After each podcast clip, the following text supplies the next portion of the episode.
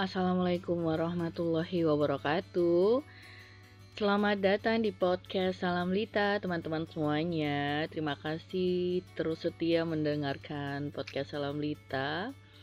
Um, kali ini aku akan melanjutkan ceritaku di dari part pertama, yaitu umroh iktikaf semi backpacker. Kenapa enggak?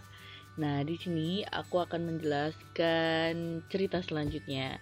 Di sini aku akan banyak cerita tentang perjalanan aku selama di sana ya. Kalau part 1 kemarin kan aku menjelaskan step-stepnya, langkah-langkahnya, terus ke kemudian gimana caranya apa aja dan bagaimana apa aja yang perlu disiapkan kayak gitu. Nah, harapannya teman-teman masih mau nih dengar suara aku yang agak berbeda dikit ini gitu. Jadi kebetulan memang sama Allah lagi dikasih rezeki suaranya masih belum kembali pulih. Jadi nggak apa-apa, jadi masih ya kayak gini sih, tapi ya teman-teman harapannya bisa mengerti lah ya. kayak gitu teman-teman. Jadi memang um, waktu bulan Ramadan itu bagi aku sih berjuang banget sih teman-teman. Um, apalagi mulai dari berjuang kesehatannya terus kemudian juga pikirannya. Dan alhamdulillah sama Allah pikirannya ditenangkan seperti itu. Kalau kesehatan memang normally para jemaah itu pada sakit. Maksudnya sakitnya bukan sakit yang berat bukan. Tapi lebih ke sakit yang kayak flu gitu. Kayak aku aku alhamdulillah sama Allah nggak dikasih flu cuma dikasih suaranya hilang jadi kayak batuk berdahak tapi nggak nggak berdahak juga gitu. Jadi memang serak-serak gimana gitu. Jadi kayak ada something di tenggorokan yang rasanya berat untuk ngomong kayak gitu. Tapi nggak apa-apa teman-teman. Jadi yang penting alhamdulillah aku sama Allah masih di, bis, uh, dikasih rezeki sehat dan aku juga masih bisa sharing ke teman-teman podcast salam Lita Nah, um, aku mau melanjutkan yang kemarin. Jadi uh, kalau di podcast part pertama kan aku menjelaskan waktu aku sampai di Madinah ya teman-teman. Jadi aku sampai di Madinah itu tanggal 23 Mei itu jam 1 pagi nyampe hotel tuh sekitar jam 1 pagi dan memang aku di bis itu udah udah tidur ya jadi selama perjalanan dari Jeddah ke Madinah itu udah tidur dan uh, kita juga sempat istirahat gitu di kayak rest area gitu. Dan di rest area itunya unik gitu karena rest areanya gede banget. Terus uh, mereka itu jual berbagai macam makanan terus di sana juga ada masjidnya gitu. Jadi aku kalau nggak salah sekitar jam 9an nyampe rest area itu. Di sini di sana ada makanan ada dan makanannya tuh memang porsi orang Arab itu gede-gede ya. Jadi piringnya tuh gede banget dan itu bisa dibuat kroyokan gitu makannya kayak gitu ya di sana kebetulan cuma sebentar ya cuma nggak sampai satu jam untuk di rest area. Kemudian kita melanjutkan perjalanan dan alhamdulillah sampai hotel itu jam satu seperti itu. Nah eh, sampai hotel jam satu itu alhamdulillah hotelnya deket banget sama, sama masjid teman-teman. Jadi kalau jalan itu kayak lima menit doang kayak pokoknya tinggal loncat doang gitu jadi deket banget. Alhamdulillah deket banget. Jadi kayak harus ke masjid terus kayak gitu Nah jam satu nyampe dan kebetulan udah tidur. Dan memang kalau di Ramadan itu rame banget teman-teman. Jadi kayak ini yang tips buat teman-teman di notes. Kalau mau ke masjid, baik Masjid Nabawi atau Masjid Masjidil Haram, paling nggak itu minimum minimum itu teman-teman tuh harus di, nyampe masjid itu 1 sampai 2 jam sebelum kayak gitu.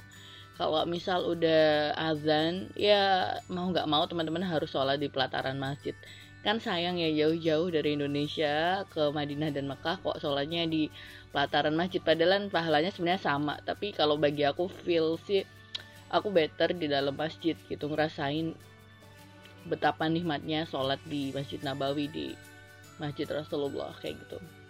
Nah benar akhirnya jam satu aku cuma beberes sedikit terus kemudian sama sama travel juga alhamdulillah di provide sahur jadi setelah sahur itu setengah tiga kebetulan adanya itu jam 4 adan subuh. Jadi setengah tiga tuh uh, aku udah cabut gitu udah cabut ke ke masjid. Langsung langsung ke masjid. Terus kemudian Alhamdulillah merasakan sholat pertama subuh itu di Masjid Nabawi itu kayak uh, kayak dream come true. Kayak balik lagi ke bucket list aku yang pengen umroh lagi gitu pengen ke tanah suci lagi dan alhamdulillah bisa merasakan umroh kembali kayak gitu. Nah di situ tuh aku juga bareng temen-temen ya jadi nggak sendiri gitu.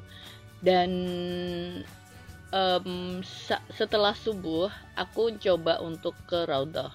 Raudah itu apa sih teman-teman jadi um, Raudah itu uh, tempat di mana Rasulullah dimakamkan dan juga sahabat-sahabat Rasulullah kayak gitu Nah, di Raudah itu orang orang-orang bilang uh, bahwa taman surga. Jadi kalau pengen merasakan taman surga, aduh suaraku balik lagi. Kalau pengen merasakan taman surga, teman-teman bisa ke Raudah ke area makam Rasulullah. Di situ juga tempat sholat di mana imam juga ada di sana. Kayak gitu. Dan di sana ada mimbar saat Rasulullah berkhutbah terus kemudian juga dulu juga area rumah Rasulullah kayak gitu nah terus kemudian uh, di Raudhah itu banyak orang bilang salah satu tempat mustajab untuk diterimanya doa. Nah, kenapa bisa dibilang salah satu tempat mustajab untuk diterimanya doa? Uh, jadi ini ada beberapa hadis ke keutamaan dari Raudah. Jadi Syekh Abdullah bin Jibrin rahimullah ketika ditanya mengenai hadis antara rumahku dan mimbarku adalah taman atau raudhah dari taman-taman surga. Beliau menjelaskan hadis ini diriwayatkan oleh At-Tirmizi dari Ali bin Abi Thalib dan Abu Hurairah dan beliau menilai hadis ini hasan garib dari Ali gitu.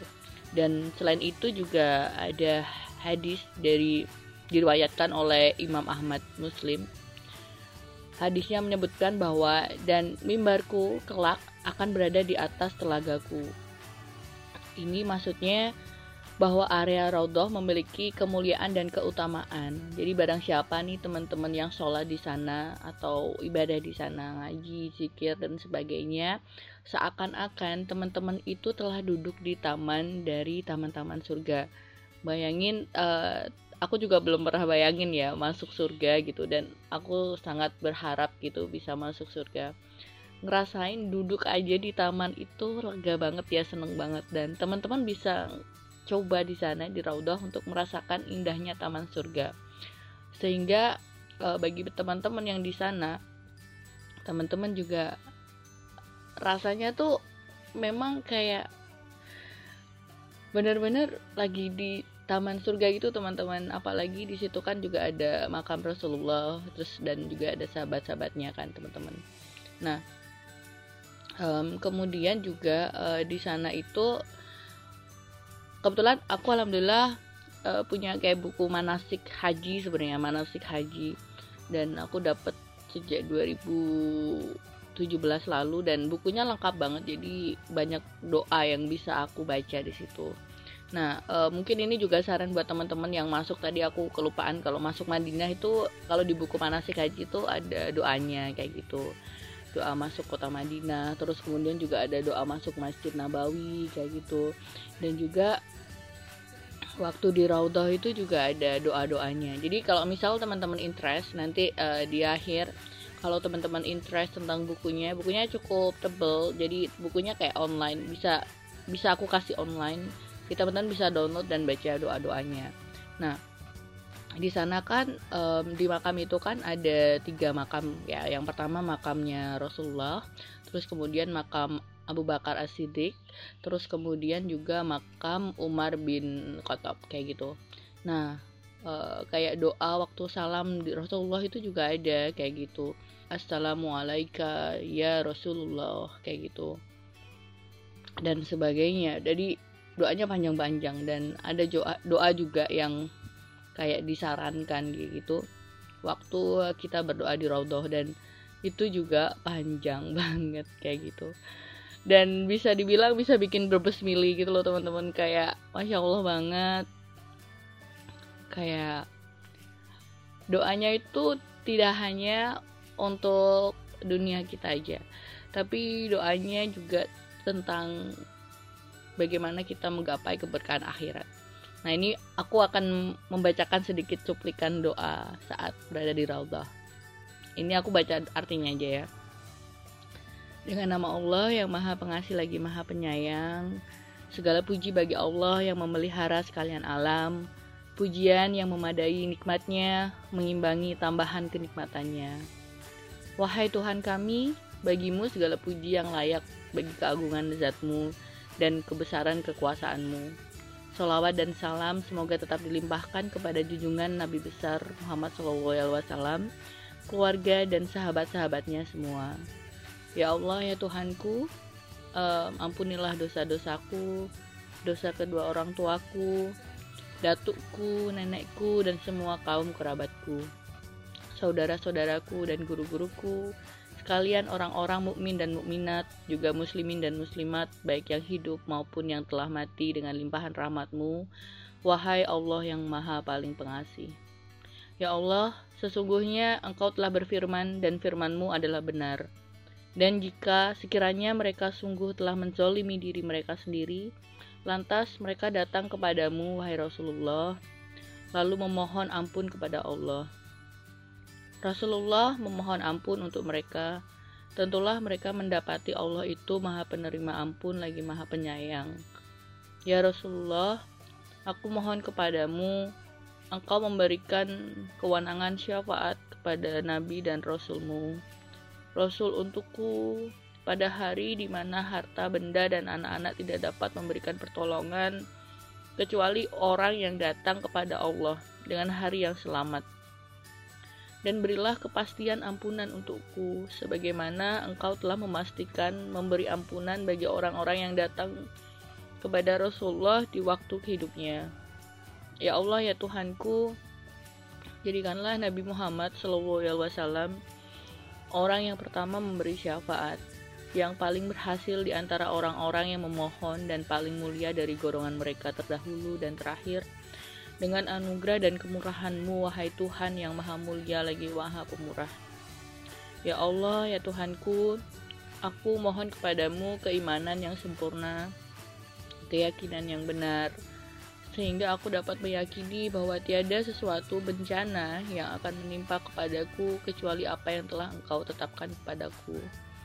Aku mohon ilmu yang bermanfaat, hati yang khusyuk, lidah yang bersikir, rezeki yang melimpah halal, amal soleh yang diterima, serta perdagangan yang tidak rugi.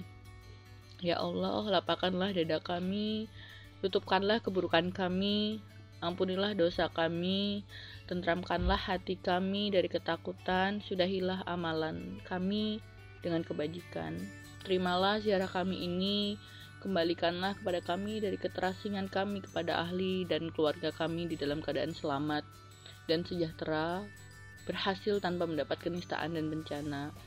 Jadilah kami termasuk golongan hambamu yang soleh, yaitu golongan mereka yang tidak merasa takut dan tidak pula bersedih hati. Ya Allah, Ya Tuhan kami, janganlah Engkau palingkan hati kami sesudah Engkau memberi petunjuk kepada kami. Limpahkanlah kepada kami rahmat dan sisimu. Ya Tuhanku, ampunilah dosaku, dosa kedua orang tuaku, serta seluruh mukminin dan mukminat. Maha suci Tuhanmu, Tuhan yang maha mulia dari apa yang mereka sifatkan, dan salam sejahtera kepada Rasulullah serta segenap puji bagi Allah Tuhan semesta alam. Ini uh, cuplikan doanya teman-teman dan ada juga kayak contohnya uh, doa salam Rasulullah. Um, jadi kayak uh, ini ada melodi kita nggak nggak melo. Jadi bayangin aja uh, teman-teman waktu zaman dulu Rasulullah itu Rasulullah tuh berjuang banget gitu buat kita. Kayak Rasulullah pun akan memberikan syafaat bagi umat-umatnya yang memang uh, berjuang banget untuk mendapat ridho Allah gitu. Makanya kayak biasanya tiap hari Jumat dibanyakin sholawat dan sebagainya. Semakin uh, banyak kita sholawat kepada Rasulullah uh, Rasulullah akan memberi manfaat uh, syafaat. Bayangin kayak Rasulullah yang kita jadi panutan gitu dan kita jadikan panutan kita jadi suri tauladan gitu. Mau mau lihat kita gitu teman-teman. Makanya kayak aku tuh uh, waktu di Raudhah tuh kayak kayak I feel that uh, aku tuh ketemu Rasulullah gitu. Bayangin lagi ketemu Rasulullah terus um, Rasulullah tuh kayak aku pun nggak tahu gimana wajah Rasulullah gitu. Dan kayak in my dream kayak someday gitu misal kalau aku udah meninggal dan kalau memang Allah ngasih rezeki aku dan Allah meridoi aku dan teman-teman semuanya untuk bisa masuk surga gitu. Kayak pengen banget gitu ngelihat wajah Rasulullah gitu. Se, se sih kayak wajah Rasulullah yang sahabat sahabatnya pun itu sangat cinta banget sama Rasulullah. Kayak gimana sih um, someday gitu uh, kita bisa ketemu sama Allah yang nyiptain kita gitu. Kayak ya Allah udah udah jelasin kalau kita tuh hidup sementara gitu teman-teman. Makanya kayak uh, bagi aku kayak pomi dunia aku udah kayak aku nyari rezeki dan sebagainya juga pengen tuh buat akhirat akhirat akhirat terus gitu. Apa yang bisa aku berikan ke akhirat gitu. Gimana biar bisa ketemu Rasulullah ketemu Allah ketemu orang-orang yang aku cintai ketemu teman-teman semua ketemu sahabat-sahabat Rasulullah mungkin kayak gitu. Kayak ketemu tok uh, idola-idola aku kayak Khadijah Aisyah gitu. Yang zaman-zaman dulu yang kita belum pernah rasain gitu. Tapi kayak di surga itu pasti kita bisa bertemu orang-orang yang sangat baik yang Allah dan Rasulullah janjikan kayak gitu. Ya ini cerita tentang rodoh ya jadi kayak bagi aku tuh uh, rodoh itu taman surga dan aku pengen banget ngerasain surga. Bagiku kayak merasakan taman surga aja udah bisa nge-trigger aku untuk bisa beribadah untuk lebih uh, tajam lagi gitu. Gimana rasanya kalau kita tuh masuk surga gitu Nah itu tentang rodoh teman-teman semuanya. Jadi um, back to uh, agak fokus lagi. Tadi sedikit melo-melo berdoa dan sebagainya. Jadi intinya aku sayang banget sama Rasulullah dan setiap sunnah dan hadis Rasulullah yang sahih. Terus kemudian amalan-amalan sunnah Rasulullah. Terus kemudian juga amalan wajib yang diperintahkan Allah. Aku mencoba untuk melengkapi itu, mencoba untuk mengisi hari-hariku dengan sunnah Rasulullah dan sebagainya nah um, waktu di Raudhah itu jadi rencananya memang pagi setelah sholat subuh. Tadi kan aku bilang ya um, pagi setelah sholat subuh tuh pengen ke Raudhah ternyata itu aku kan aja beberapa jamaah di grup aku.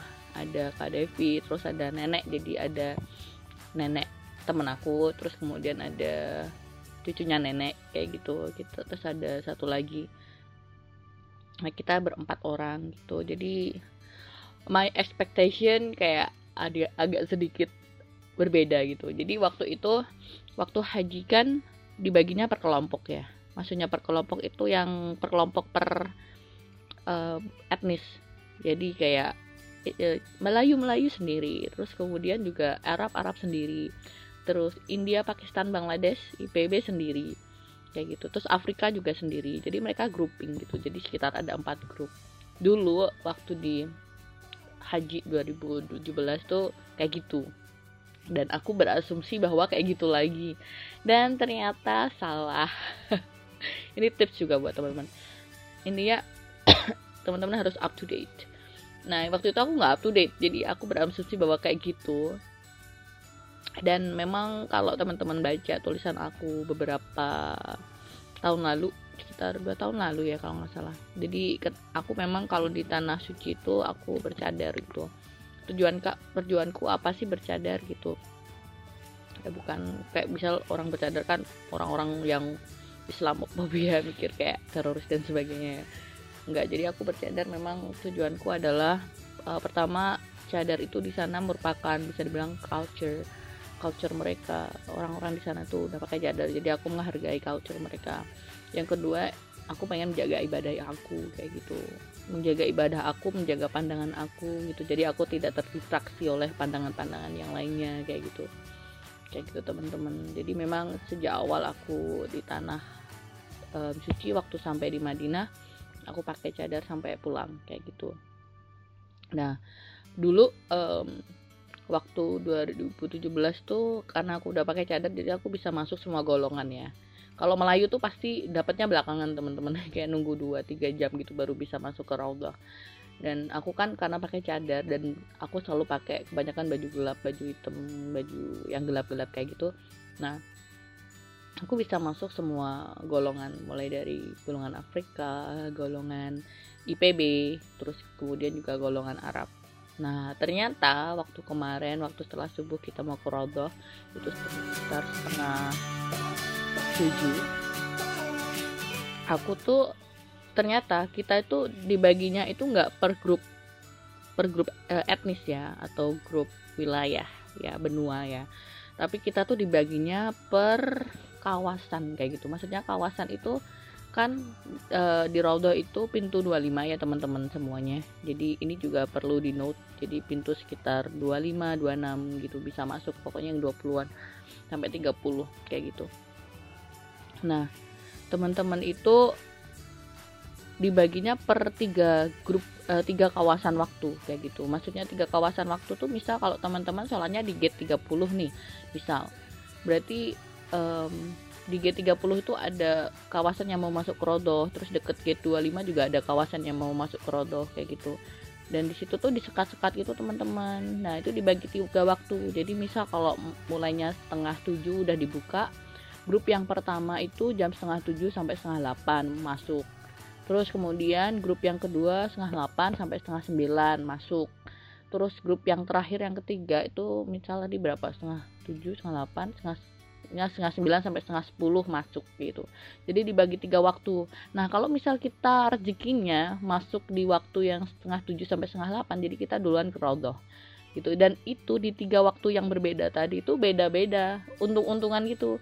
Bisa jadi yang ujung kan ada satu dua tiga gitu. Misal yang di ujung di grup ketiga itu masuk duluan kayak gitu. Bisa juga mungkin pas teman-teman pas lagi di kawasan tengah di grup tengah masuk duluan gitu. Jadi memang untung-untungan dan jadi kayak modelnya udah udah lebih adil gitu.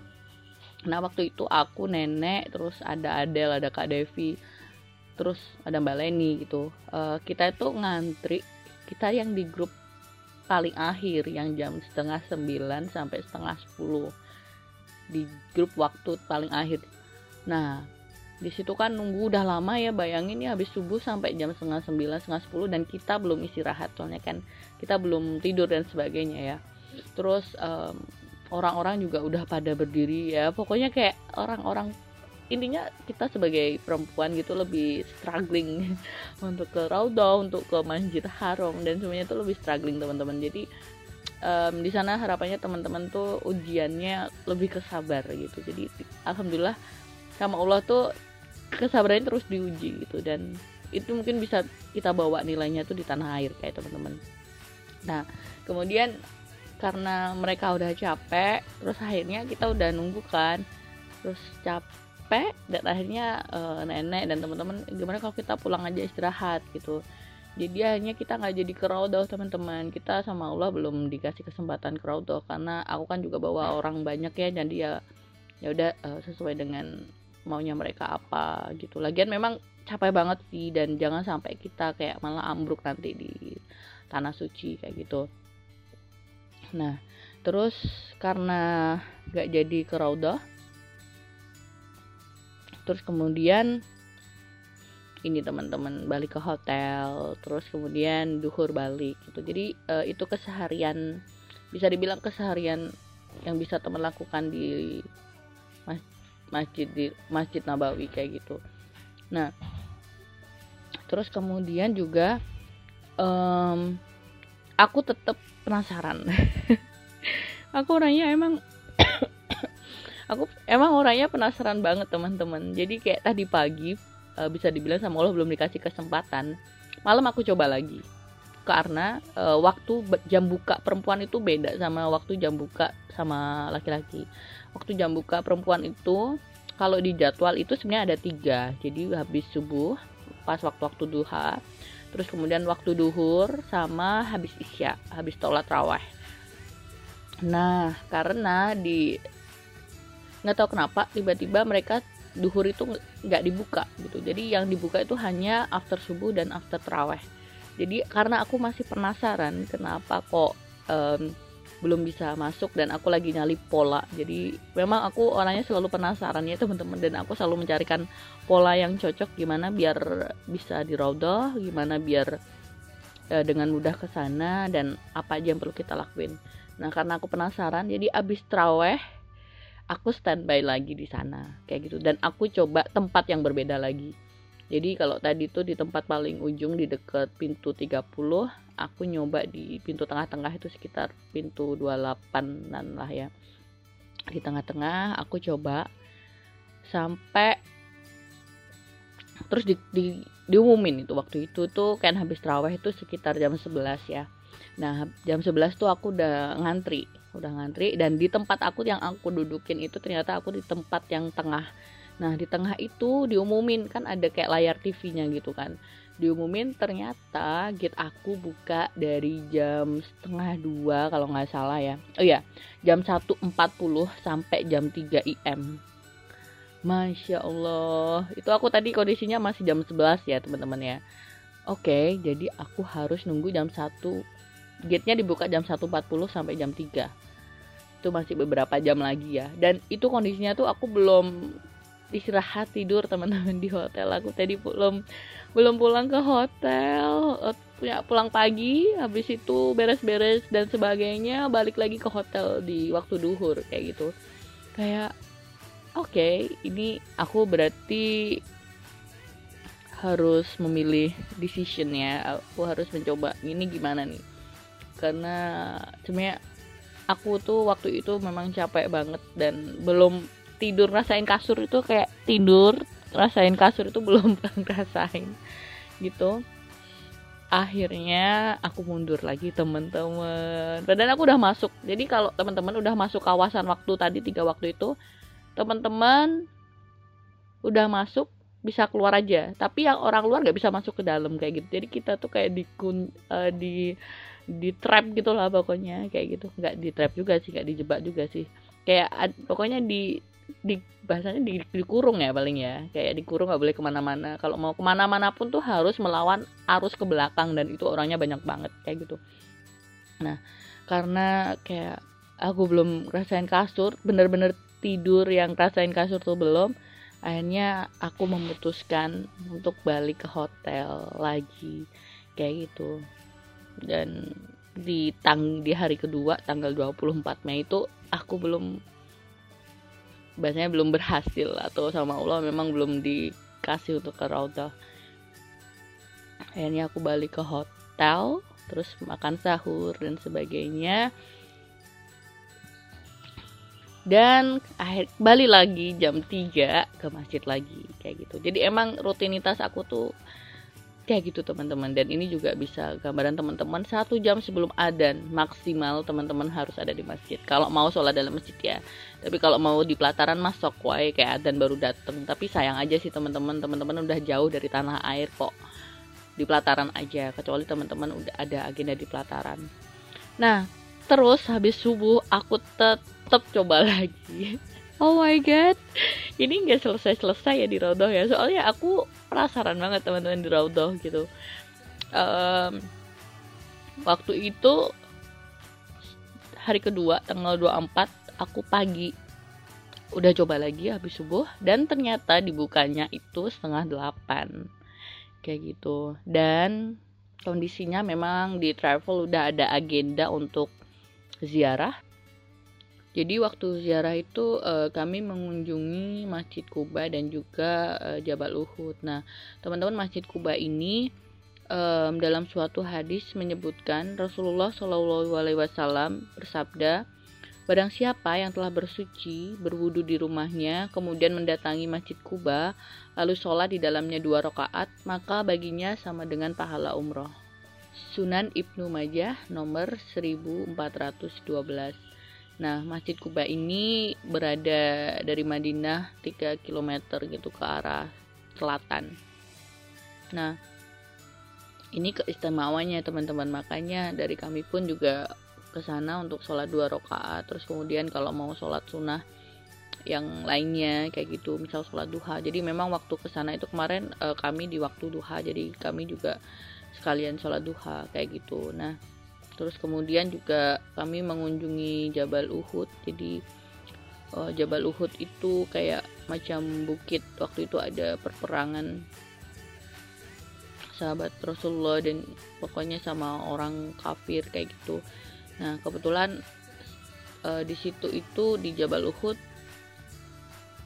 uh, golongan Muslim orang Islam itu kalah karena ada beberapa kayak ada macam orang-orang yang tidak amanah gitu teman-teman. Ya gitu. Jadi tapi dari situ bisa memetik bahwa sebenarnya perjuangan sahabat Rasulullah dan Rasulullah itu sangat besar sekali untuk membela Islam. Kayak gitu. Nah kemudian setelah dari Jabal Uhud kita juga keliling kayak di masjid kiblatain jadi kayak masjid dua kiblat waktu itu. Jadi um, cuma kita cuma lewat aja sayangnya jadi nggak sampai masuk ke dalam. Jadi kalau masjid kiblatain tuh ada masjid dua kiblat pertama di masjid al aqsa dan juga kiblat satunya di masjidil haram. Waktu itu uh, di zaman rasulullah uh, rasulullah itu mau memindahkan kiblatnya di masjidil aqsa. Tapi uh, karena beberapa hal dan kemudian juga rasulullah merasa um, dan sebagainya kemudian rasulullah meminta Allah untuk memberikan petunjuk dan kemudian kiblatnya di Masjidil Haram kayak gitu. Nah, dan uh, kita juga sempat keliling lewat aja sih sebenarnya teman-teman kayak di pasar kurma terus kemudian juga tempat-tempat yang lainnya gitu jadi karena waktunya uh, waktu itu tuh uh, cukup padat ya jadi kayak kita pengen memanfaatkan yang maksimal banget kayak gitu nah karena alhamdulillah sampai di hotel lagi tuh sebelum sekitar jam 10-an kayak gitu. Dan kembali ke hotel karena duhurnya jam 12 jadi kayak jam 11 kita udah berangkat lagi ke hotel kayak gitu. Nah waktu itu um, aku kan penasaran ya soalnya di announcement ditunjukin ini balik lagi ke Raudhah yang sama Allah belum dikasih kesempatan. Aku kan penasaran ya kayak yang di announcement tuh siang kalau habis duhur ada. Terus hanya aku duduk aja di situ terus tanya ada nggak sih? Gitu dan memang nggak ada. Jadi memang kerodohnya itu cuma habis subuh sama habis taraweh doang kayak gitu. Dan habis duhur eh sorry um, bukan habis duhur sih habis asar gitu. Jadi itu karena di masjid terus habis asar terus aku kebetulan kontak-kontakan gitu sama temennya ibu. Jadi temennya ibu dari Bojonegoro uh, jadi ini ini tapi saran aja tapi juga bagi teman-teman uh, perempuan ahwat bisa memilih pakai apa enggak. Jadi kebetulan selama Ramadan itu aku pakai obat penunda haid. Karena waktu umroh tanggal-tanggal itu tuh tanggal-tanggal aku haid gitu dan cukup worry kalau misal di 10 hari terakhir itu waktu aku haid gitu. Dan akhirnya aku memutuskan untuk uh, minum obat penunda haid dan kebetulan waktu haji aku juga minum obat penunda haid dan alhamdulillah bisa lancar ibadah hajinya. Dan kemarin alhamdulillah aku minum obat penunda haid jadi selama Ramadan bisa full ibadah. Nah kebetulan waktu itu ketemu namanya Ibu Sahidin dan Pak Sahidin jadi Ibu Pak Sahidin itu direktur dari Radar Bojonegoro suatu uh, cabang dari Jawa Pos di Bojonegoro kayak gitu bapaknya direkturnya. Dan bapaknya itu um, juga meliput tentang Ramadan di tanah suci kayak gitu. Dan kemar kenapa kemarin bertemu Gus Sahidin tuh? Karena kebetulan obatku habis dan aku tuh udah muter Jakarta. Itu waktu persiapan tuh muter nyari obat tentang obat penunda haid itu nggak ada. Terus aku bilang bu nggak ada. Terus dan aku baru tahu kalau Bu Sahidin dan Pak Sahidin itu umroh di waktu yang sama. Jadi kita itu beda pesawat aja kayak gitu. Nah di waktu yang sama terus kemudian uh, kita janjian habis asar um, ketemu Bu Saidin karena aku nitip obat penunda haid ke Ibu Saidin. Terus dari situlah kita cerita banyak hal aku curhat sama Ibu Saidin ibu aku belum ke Rodo gitu kan. Karena kayak Bu Saidin sama Pak Saidin tuh udah aku anggap sebagai orang tua kedua aku. Pokoknya karena sama orang tua aku juga mereka saling sahabatan kayak gitu kan. Terus ya udah aku anggap sebagai orang tua aku di sana gitu selama di Madinah. Jadi aku tuh banyak curhat ke Bu Saidin dan kayak aku sih sama Bu Saidin aku udah anggap kayak ustazah aku sendiri. Jadi kalau aku ada hal-hal agama yang aku nggak paham tuh pasti aku tanya ke mereka berdua. Nah aku kan curhat Bu Sahidin ini Bu. Aku belum ke Roto udah tak coba tiap waktu tapi sama Allah belum dikasih kayak gitu. Terus habis itu uh, Bu Sahidin cerita oh ceritain panjang lebar tentang bagaimana kita uh, mengelola niat kita. Terus Bu Sahidin saran coba tak diatur lagi niatnya disusun lagi niatnya gitu. Coba pasrahkan lagi sama Allah gitu. Ya Allah aku pengen ke Rodo untuk berdoa kepadamu bertemu Rasulullah merasakan taman surgamu. Pokoknya jangan sampai ada ke distraction yang lain-lain kayak gitu. Pokoknya itu niat ini paling penting teman-teman. Balik lagi yang uh, di part satu aku bilang niat kayak gitu. Jadi mungkin aku juga harus apa mungkin aku ada salah niat dan sebagainya mungkin atau mungkin aku masih ada grundel dan sebagainya gitu. Akhirnya aku susun lagi niat aku ya Allah Bismillah ya Allah mudahkanlah hamba wes pasrah wes pokoknya pasrah kayak gitu. Nah ini juga bisa buat notes buat teman-teman. Jadi kan aku waktu itu sama Bu Saidin cerita ceritakan Bu um, ini udah ya tak ditata niatnya dan aku dimanasikin lagi gitu. Jadi waktu haji dulu kan aku nggak sempat manasiknya. Sama Pak Saidin sama Bu, Bu Saidin tuh alhamdulillah aku dimanasikin diceritain. Jadi waktu wukuf tuh kamu harus gini-gini ibadahnya wajibnya apa rukunnya apa terus saran Bu Saidin harus bawa apa-apa aja gitu. Dan kemarin waktu umroh Alhamdulillah sama Bu Saidin Pak Saidin dimanasikin lagi. Kalau dulu tentang manasik umroh dan kalau sekarang manasik eh kalau dulu manasik haji kalau sekarang manasik umroh kayak gitu dan alhamdulillah banget teman-teman um, di situ kayak aku mulai kebuka gitu. Mungkin selama ini selama dua hari kemarin tuh kayak aku ngerasa masih masih apa ya mungkin campur aduk lah. Udah capek udah macem-macem. Terus kemudian juga mungkin niatnya masih ada sedikit melenceng atau kayak gimana gitu. Akhirnya sama Bu Saidin di calm down lagi kayak susun niatnya atur lagi niatnya mumpung masih hari kedua kayak gitu kemudian aku susun niatnya ulang dimanasikin lagi. Terus kalau aku cerita Bu Saidin ini ada beberapa teman aku yang di hotel sayang karena masih haid kayak gitu. Loh saya ini juga haid malah baru keluar tadi kayak gitu. Loh iya tabu Masya Allah. Terus gimana dong Bu? Tapi saya usahakan di masjid walaupun saya di pelatarannya doang saya nggak masuk ke masjid. Tapi saya usahakan ke masjid saya bisa zikir saya bisa baca Quran terjemahan. Terus aku katanya loh Bu Saidin um, Quran terjemahan itu nggak apa-apa tahu. Kalau untuk orang haid ya nggak apa-apa. Karena kan bukan bukan musaf um, Al-Quran yang full Arab. Tapi kan ada terjemahan. Jadi kamu juga bisa sambil baca terjemahan. Jadi jangan sampai di hotel. Soalnya kalau di hotel tuh godaannya banyak. Mulai dari kasur makan dan sebagainya teman-teman. Akhirnya oh iya ya bu ya. Aku izin Pak Pak Saidin. Pak Saidin Bos Saidin aku bawa ke hotel bentar ya. Ini siapa tahu teman-teman aku terinspirasi buat balik lagi ke masjid gitu. Jadi banyakin ibadah di masjid kayak gitu.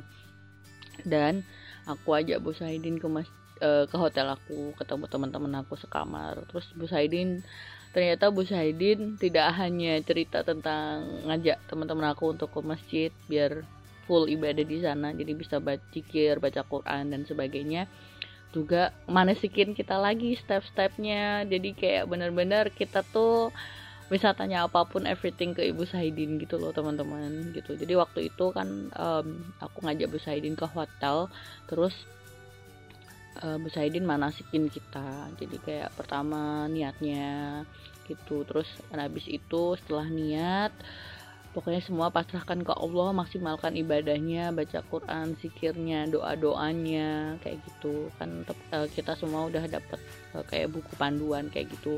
Terus kemudian waktu ngambil mikot jadi mikot itu kayak niat umroh. Jadi ada beberapa masjid yang bisa digunakan dibuat mikot.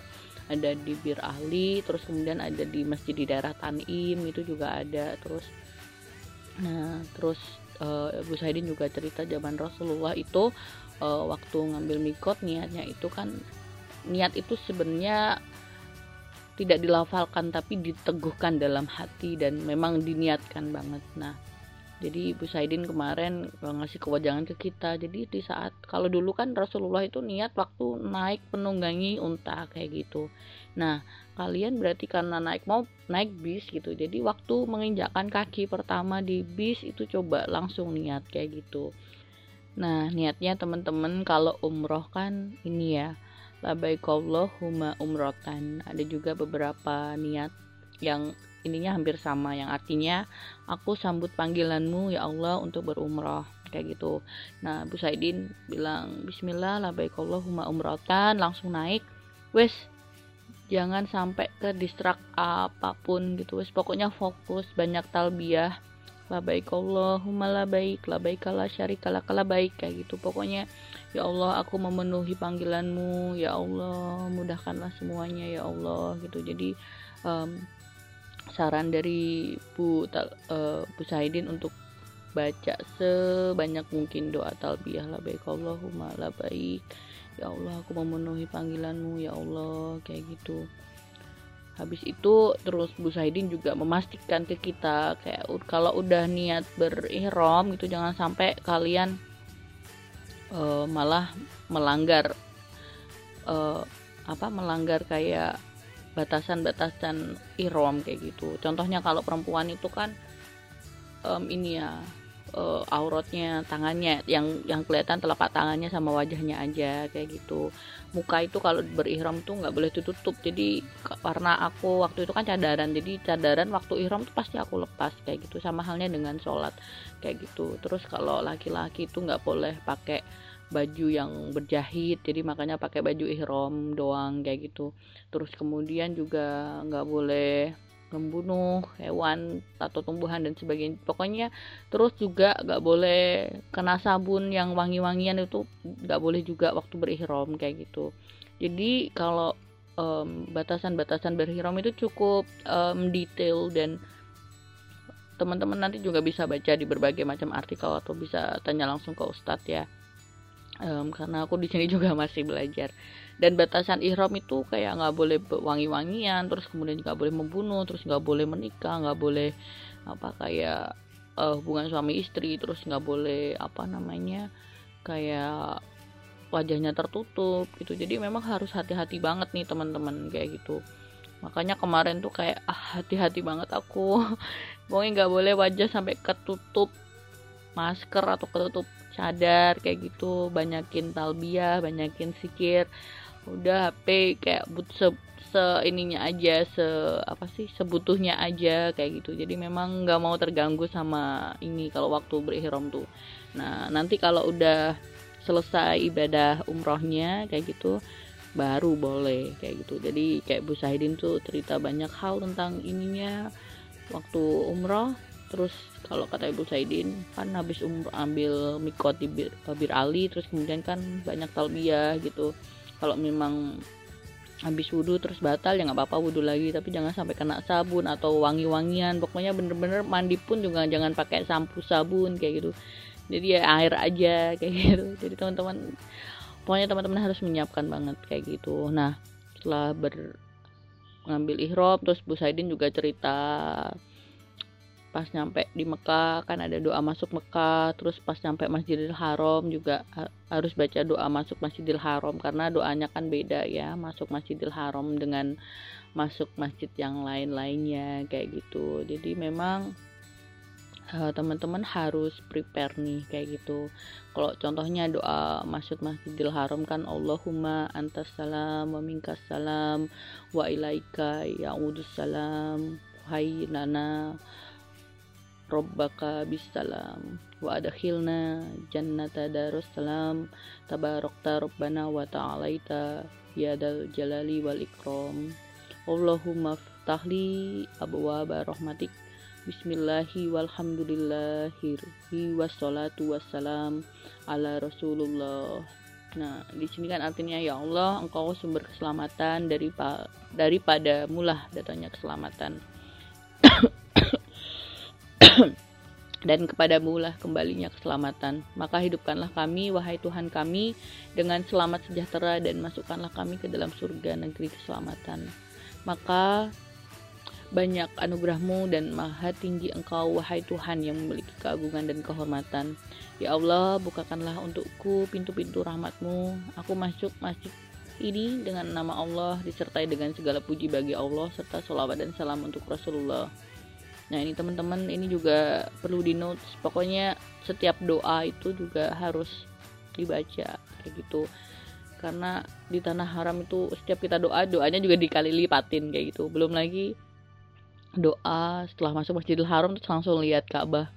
Masya Allah itu kayak biasanya tuh lihat Ka'bah tuh kayak pasti aku merinding sih kalau lihat Ka'bah masuk masjid langsung merinding gitu. Dan ada doa masuk uh, lihat Ka'bah juga contohnya yang artinya ya Allah tambahkanlah kemuliaan keagungan kehormatan dan wibawa pada bait Ka'bah ini dan tambahkan pula pada orang-orang yang memuliakan, mengagungkan dan menghormatinya di antara mereka yang berhaji atau yang berumroh dengan kemuliaan, keagungan, kehormatan dan kebaikan kayak gitu. Nah, setelah lihat Ka'bah terus baru mulai umroh, tawaf tujuh kali. Dan tawaf pun itu kan sebenarnya sama kayak sholat ya teman-teman ya. Dan kalau tawaf waktu umroh uh, sebenarnya doanya nggak ada doa khusus ya. Kalau di panduan haji dan umroh tuh ada doa putaran 1 sampai 7 tuh beda-beda. Itu sebenarnya tujuannya untuk memudahkan aja. Biasanya sih doanya subhanallah walhamdulillah wala ilaha illallah wallahu akbar. Yang paling aku suka tuh waktu doa dari uh, rukun yamani ke mas apa ke hajar aswad kan robana atina fitunya hasanah wa fil akhirati hasanah wa ada benar itu doanya tuh kayak minta perlindungan dari neraka terus kemudian juga bila kebaikan dunia dan akhirat kayak gitu. Makanya kayak deg-degan aja sih setiap doa itu tuh kayak gitu.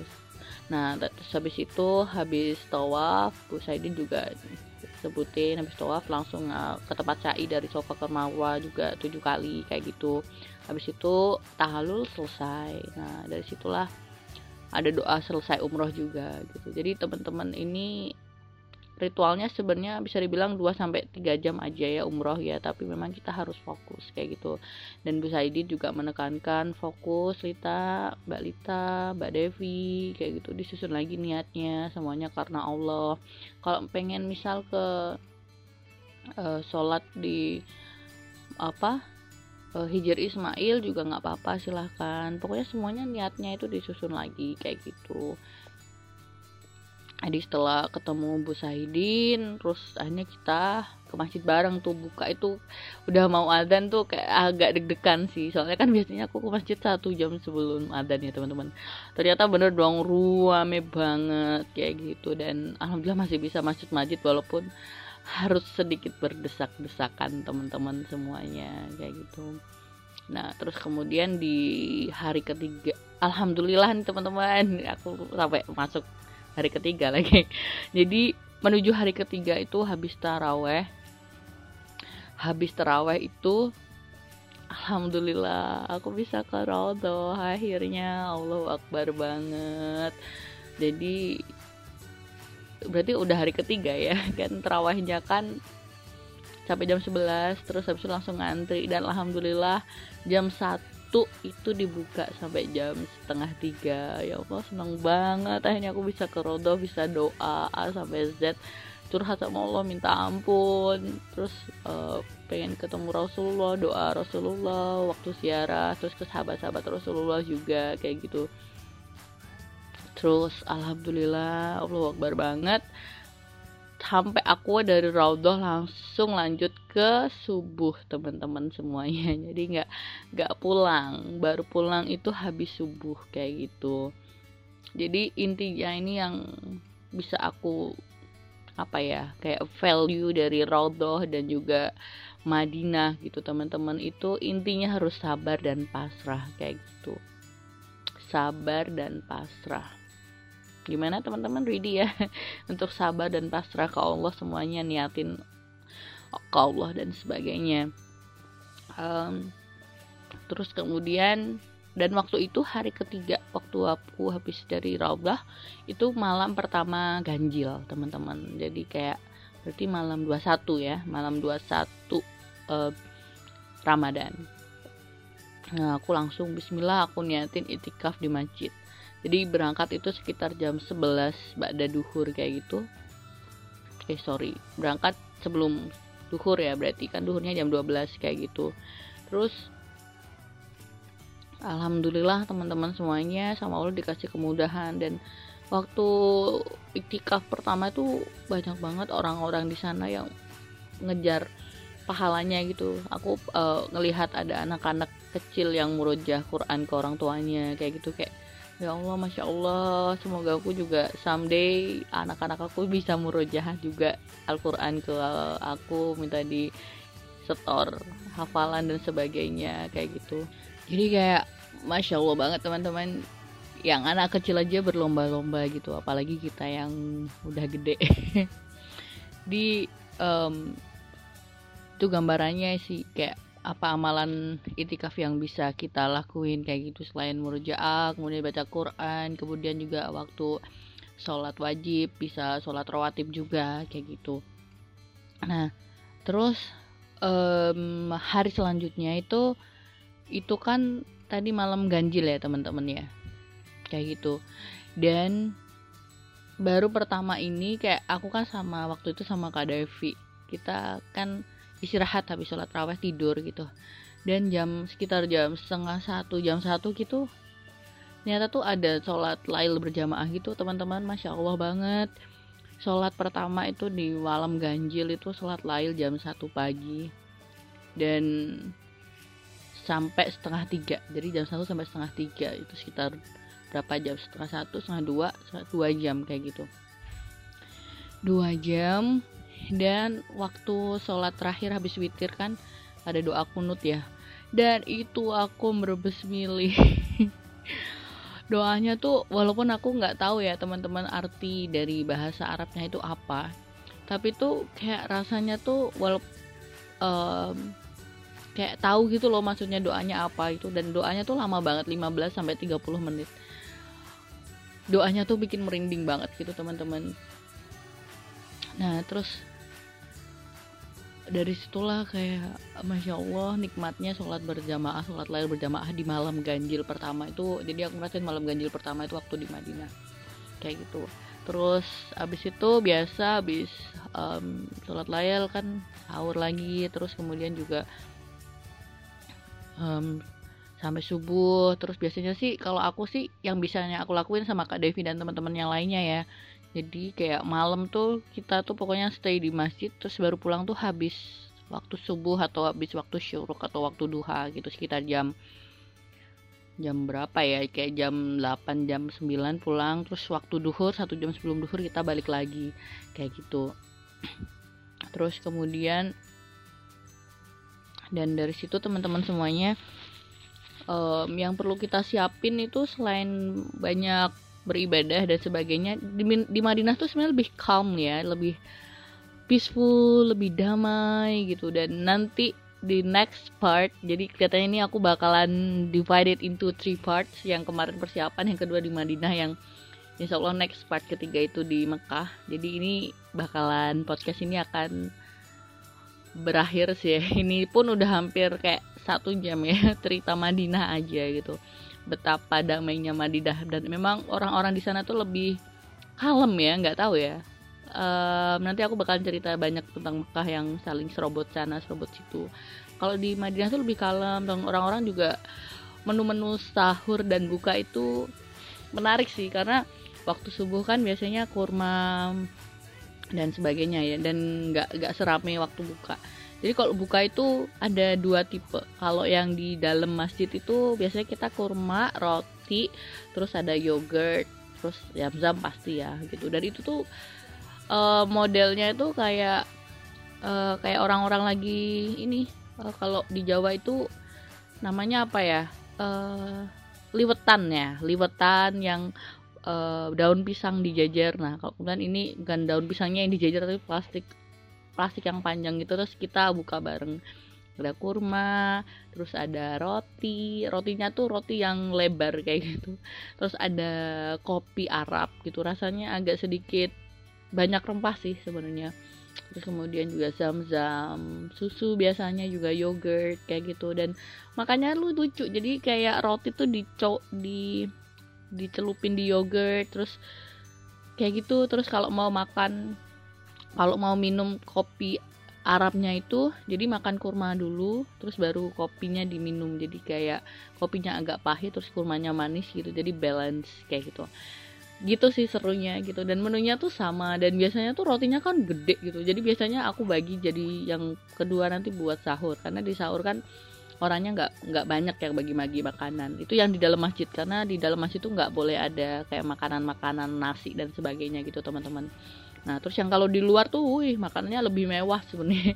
Ada nasi ada ayam dan sebagainya. Tapi karena berhubung kita pengen sholatnya di dalam masjid ya wes nggak apa-apa kita ngalahin nggak makan nasi dan sebagainya. Kita makan nasinya di hotel aja waktu sahur. Ya soalnya biasanya kita juga bungkus makanan dari hotel kayak gitu. Karena uh, di part pertama aku ceritakan harus bawa tempat makan sendiri. Itu fungsinya buat nampung makanan yang kita dapat. Kayak gitu. Jadi makanan tuh uh, berlimpah banget lah. Kayak gitu teman-teman. Kurma apalagi. Luar biasa banget pokoknya masya Allah. Kayak gitu. Nah tadi kan aku cerita ya tentang um, biasanya bisa kita lakuin. Jadi kayak habis subuh tuh biasanya aku langsung balik ke hotel habis waktu duha dan sebagainya. Terus balik lagi satu jam sebelum duhur. Nah sebelum uh, pada duhur itu uh, kita juga saya kak Dimas sama ada Kak Devi kita bareng-bareng bertiga ke Hejaz Museum. Jadi Hejaz Museum itu Hejaz Hejaz itu dulunya sebagai sebagai ini um, railway station stasiun kereta api nah terus kemudian dijadiin museum. Dan di museum itu cerita banyak tentang sejarah Madinah. Dari awal banget yang Madinah itu sebenarnya cuma daerah Masjid Nabawi doang. Sampai sekarang Madinah cukup besar kayak gitu. Terus cerita tentang Rasulullah istri-istri Rasulullah. Terus kemudian sahabat-sahabat Rasulullah di Madinah. Jadi everything. Jadi kalau aku saran mungkin teman-teman waktu di Madinah bisa mengunjungi beberapa museum. Ada museum Hejaz terus ada museum Al-Quran terus di, sekitar masjid itu juga banyak sih sebenarnya museum-museum. Jadi ada masjid juga. Teman-teman bisa mengunjungi itu explore itu kayak gitu.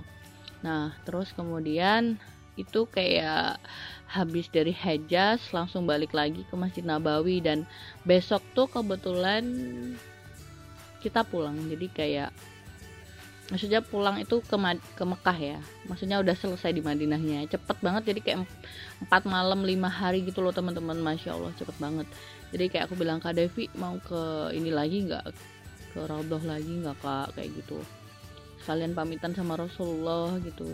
Terus akhirnya setelah traweh kita memutuskan untuk ke Raudhah lagi. Dan alhamdulillah kita bisa nyentuh ya teman-teman uh, waktu pertama di Raudhah kan uh, aku sama Kak Devi tuh masih ngelihat pola ya kayak gitu. Jadi kita sholatnya di karpet hijau. Jadi bedanya Raudhah sama tempat sholat yang lainnya tuh kalau Raudhah tuh karpetnya hijau, kalau yang lainnya tuh karpetnya merah kayak gitu. Nah di karpet itu kita masih calm, jadi kita agak sedikit ke belakang, kita banyakin ngaji dan ibadah. Nah terus kemarin waktu kedua di Raudhah itu kita agak sedikit maju yang deket sama makam Rasulullah kayak gitu dan masya Allah banget sama Allah tuh lama banget teman-teman di sana itu sekalian pamitan dan sebagainya. Dan kita baru balik lagi subuh. Jadi baru pulang lagi subuh kayak gitu. Jadi memang teman-teman struggling banget sih kayak gitu. Nah terus di malam kedua itu dan memang aku mencoba waktu itu di itu aku coba sholat di pelataran tuh kayak gimana sih gitu. Soalnya kan habis dari apa habis dari raudhah terus kemudian packing dan sebagainya itu kan cukup menguras ya kasih itu. Terus waktu dari sholat subuh itu juga habis sholat subuh kita langsung ke Mekah gitu. Jadi aku coba memang sholat di pelataran dan sebenarnya nggak masalah kan pahalanya sama cuma feelnya itu beda kayak gitu. Dan memang kalau di sholat di pelataran itu rasanya cukup menggema ya jadi waktu suara imam itu enggak denger tapi nggak begitu clear kayak gitu. Dan distractnya sebenarnya banyak soalnya banyak orang-orang lewat dan sebagainya. Jadi kalau aku saran memang teman-teman kalau mampu di dalam masjid di mas dalam masjid aja. Kalau itu kan aku memang di pelataran karena habis itu langsung balik ke lagi ke hotel kan. Kayak gitu. Jadi itu teman-teman. Terus dari situ setelah dari sholat tahajud dan subuh di pelataran masjid langsung uh, balik lagi ke hotel terus kita berangkat ke Mekah untuk ngambil mikot di Bir Ali jadi waktu itu kita udah pakai baju ihram teman-teman semuanya Nah, nanti the next untuk cerita di masjid dan ambil mikot di Bir Ali, aku bakalan banyak cerita lagi sampai di Mekah selama kurang lebih tujuh hari sampai Lebaran ya. Gitu teman-teman. Nah, apa aja sih poin yang aku dapat hikmahnya di Madinah tuh teman-teman? Jadi uh, di Madinah itu aku banyak mendapat banyak apa ya kayak value atau mungkin ini tips juga buat teman-teman apa yang dilakuin yang pertama kayak banyak solawat Allahumma sholli ala Sayyidina Muhammad kayak gitu banyak banget bersolawat karena itu di situ ada Rasulullah teman-teman semuanya jadi banyakin bersolawat terus dari situ aku juga belajar bahwa ikhlas gitu. Sometimes kita punya suatu target. Kan kayak teman-teman tahu ya, targetku tuh waktu hari pertama aku langsung pengen langsung pengen ke rodoh kayak gitu, target ya. Karena mungkin aku orangnya suka bikin target ya. Gitu. Tapi di situ aku belajar bahwa ikhlas. Pasti sama Allah dikasih. Cuma waktunya nggak sekarang kayak gitu. Jadi kan teman-teman tahu ya, aku coba trial di Raudoh tuh malam, waktu nyampe pagi, habis subuh terus malam nggak dapat lagi subuh nggak dapat lagi dan aku baru dapat malamnya lagi. Itu aku trial tiga kali atau empat kali ya berarti ya. Empat kali baru dapat nah dari situ aku belajar bahwa aku harus lebih ikhlas gitu. Kayak aku punya plan kayak A B C D sampai Z gitu. Tapi sama Allah tuh pasti dikasih. Cuma dalam waktu yang bagi Allah itu waktu yang cocok kayak gitu. Jadi dari situ aku belajar bahwa aku harus lebih ikhlas kayak gitu. Udah berusaha kan berarti aku udah berusaha tiap mau krodoh berusaha terus. Tapi sama Allah belum dikasih ya wes nggak apa ikhlas kayak gitu. Dan yang selanjutnya adalah niat kayak gitu. Sometimes niat kita insya Allah udah lurus gitu tapi biasanya banyak beberapa distraction atau gangguan dan sebagainya akhirnya bikin melenceng dikit atau mungkin ada godaan dikit gitu. Dan mintalah sama Allah untuk selalu diperbarui niatnya kayak gitu. Terus kemudian di Madinah itu memang um, damai ya teman-teman. Jadi di sana pasti teman-teman senang banget di Madinah. Kayak gitu. Tapi for me uh, saya suka uh, Madinah dan Mekah. Tapi mungkin saya suka challenge ya. Jadi bagi saya tuh Mekah itu lebih seru aja ya kayak gitu. Nah um, ini mungkin yang bisa teman-teman dapat dan saran dari saya bahwa uh, maksimalkan nanti kalau ibadah di Masjid Nabawi.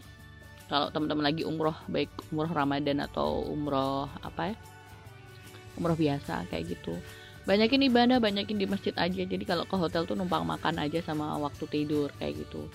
Gitu teman-teman. Dan kalau teman-teman penasaran bisa kunjungi berbagai macam museum di deket masjid. Kayak gitu ada museum Al-Quran ada Hejaz. Terus kemudian kalau mau agak jauh dikit dulu kalau kakak aku tuh dia sampai naik ke bukit-bukit gitu. Kayak gitu. Terus kalau bagi Ikhwan uh, bisa ke Baki. Kalau perempuan kan nggak boleh ke makam ya. Kalau laki-laki bisa ke makam bagi kayak gitu. Masya allah sih teman-teman. Nah ini sedikit sharing aku di part 2 dan ini kayak almost on hour satu jam banget kayak gitu. Harapannya teman-teman bisa memetik pelajaran tentang umroh ramadan aku di sini di Madinah gitu. Dan the next uh, aku bakalan banyak cerita tentang perjalanan aku selama ngambil mikot di Bir Ali dan juga um, umrah di Masjidil Haram kayak gitu. Nah bagi teman-teman yang pengen tanya apa pun itu dan mungkin kak kelihatannya uh, ada yang belum di iniin deh kayak misal ada yang belum di sharein deh di Madinah. Coba deh kak cerita. Jadi uh, the next part 3 aku bakalan nge-review kayak gitu. Nah teman-teman terima kasih banyak akas waktu untuk mendengarkan suara aku yang tadi ada gak sedikit distraction ada beberapa batuk Moga-moga teman-teman bisa enjoy dan semoga sharing aku bisa bermanfaat buat teman-teman. Amin, amin, amin ya robbal alamin. Terima kasih. Wassalamualaikum warahmatullahi wabarakatuh.